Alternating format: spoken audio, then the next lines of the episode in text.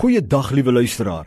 My naam is Kobus Tron en u is ingeskakel by die program Meer as oorwinnaars. O ja, met my hele wese is ek daarvan oortuig dat ons Skepper wil hê en ons wil help al sy kinders om werklik waar meer as 'n oorwinnaar te wees in elke area van ons lewe. Met ander woorde, God wil hê ons moet suksesvol wees en gelukkig, soos 'n liefdevolle Vader vir ons, sy kinders in elke area van jou lewe.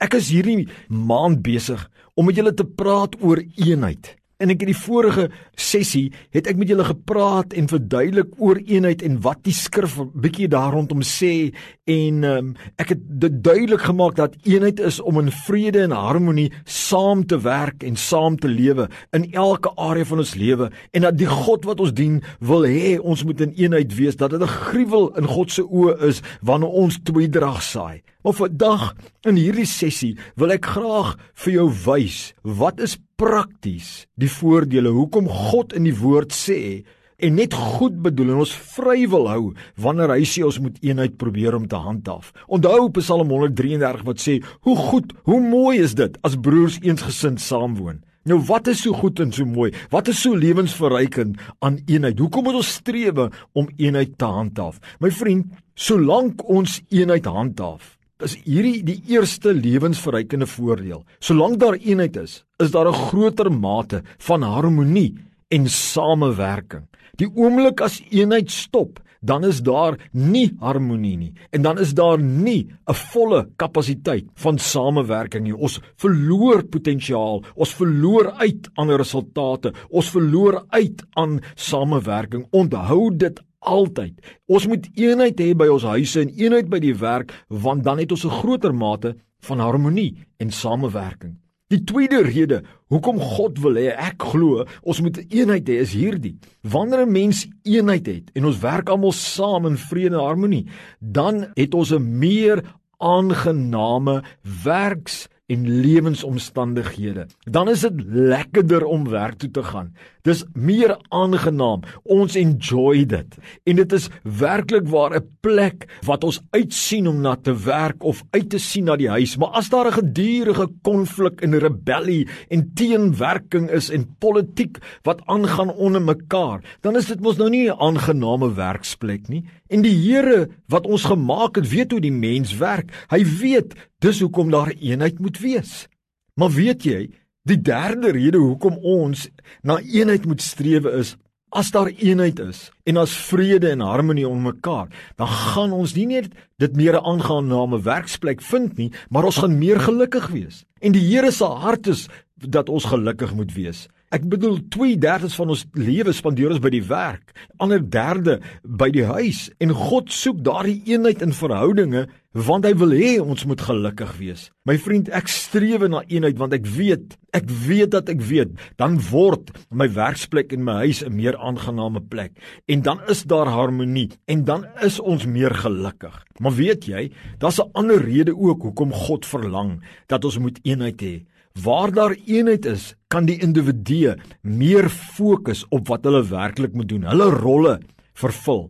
Maar as daar aan mekaar 'n teenwerking is en daar is konflik die heeltyd onder mekaar, dan kan ons mos nie fokus op ons werk nie. En wat gebeur, my vriend, as ons nie kan fokus op ons werk nie, dan gaan ons minder produktief wees en dan gaan ons minder resultate hê. Dit is 'n uitgemaakte saak en daarom kom die vyand in en hy wil altyd verdeeldheid veroorsaak by die huise want dan weet hy dat hy hy weet dan gaan ons ons fokus verloor.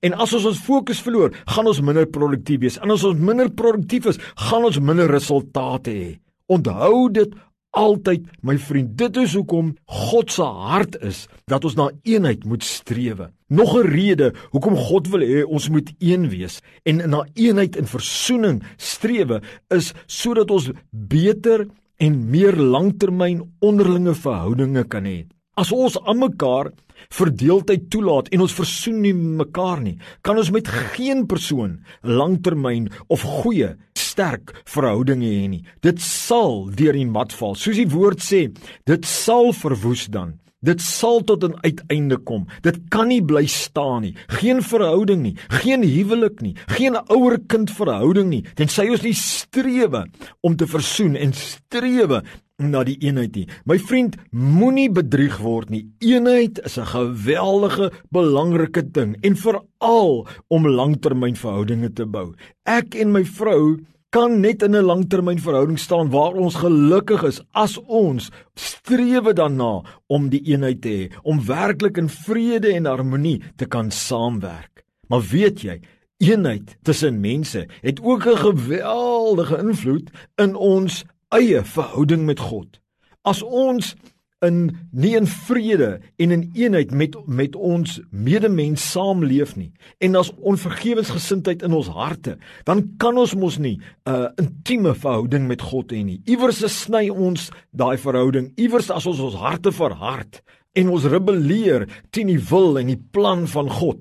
Maar die oomblik as ons strewe om werklik uit van ons ons kant in 'n band van vrede te lewe, band van versoening, om reg te maak, dan is dit dat ons in ons verhouding met die Here ook nader en meer intiem sal wees. My vriend, maar weet jy dit ook?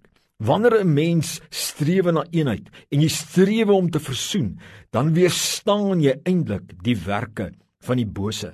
Want dit is prakties. Wanneer jy vrede wil maak en jy streef om te vergewe en jy streef om te versoen en om eenheid te bewerkstellig om by 'n plek te kom waar jy eensgesind is. Terwyl jy dit doen, is jy besig om die bose te weerstaan. Die bose se hart, die onsigbare bose werking van Satan is om verdeeldheid in 'n huis te maak. Verdeeldheid tussen ouers en kinders, verdeeldheid tussen man en vrou, verdeeldheid in gemeente. Dit is die vyand se strategie, want hy weet, hy ken die wet van God, dan gaan daai ding platval. So die Here wil vir jou sê, weerstaan die bose. Hy sê, hoe weerstaan ek hom? Een van hulle is om na eenheid te strewe. My vriend, en weet jy wat, nê? Nee, wanneer ons dit reg kry om in eenheid bymekaar te bly. Weet jy wat is nog lewensverrykende gevolg dan? Dan behaag ons God en ons verheerlik God. Wanneer ek en my vrou en my kinders in eenheid kan saamlewe en die buitemense kan dit sien, dan verheerlik ek God want dan sê ek eintlik dat dis 'n bewys dat die gees van God wat een is in ons harte werk en dat ons onder die heerskappy van die Here is. Sjoe, Dit is wonderlik die krag van eenheid. Weet jy dat daar nog 'n groot een is? Dis eintlik die groot sien wat ek nou gaan gee. Maar wanneer 'n mens in eenheid lewe as broers en susters saam, daar gebied God sy seën. Soos Psalm 133 sê, die Here gebied sy seën. Met ander woorde, daar, as dit in die wil van God is en daardie groep is een, daardie huis is een, daar stort God sy seën uit. O my vriend, o luister asseblief aandagtig. Hierdie is die plek waar God seën en dan gaan ons beter resultate hê. Dan gaan ons meer suksesvol en ons gaan meer gelukkig wees as ooit vantevore. Ons moet strewe na die eenheid. Hierdie is die redes. Dis logiese redes, maar is ook redes wat God deur die Bybel so baie duidelik wys. Met ander woorde my vriend, opsommend, as 'n mens na eenheid streef en jy kan eenheid handhaaf, is daar 'n groter mate van harmonie en samewerking. Dis 'n meer aangename werksplek. Ons is meer gelukkig, ons is meer gefokus, ons is meer produktief, ons het beter onderlinge verhoudinge, ons het 'n beter verhouding met die Here, ons weerstaan die bose in sy werkinge. Ons behaag en verheerlik God. Ons het 'n groter mate van God se hulp en ons beter resultate. Ons werke val nie. Ons verwoes nie.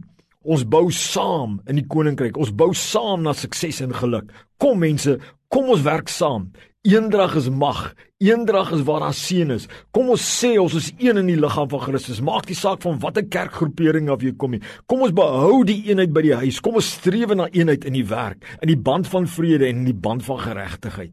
Mag die Here jou seën, my vriend, en mag eenheid deel van jou lewe wees. Amen.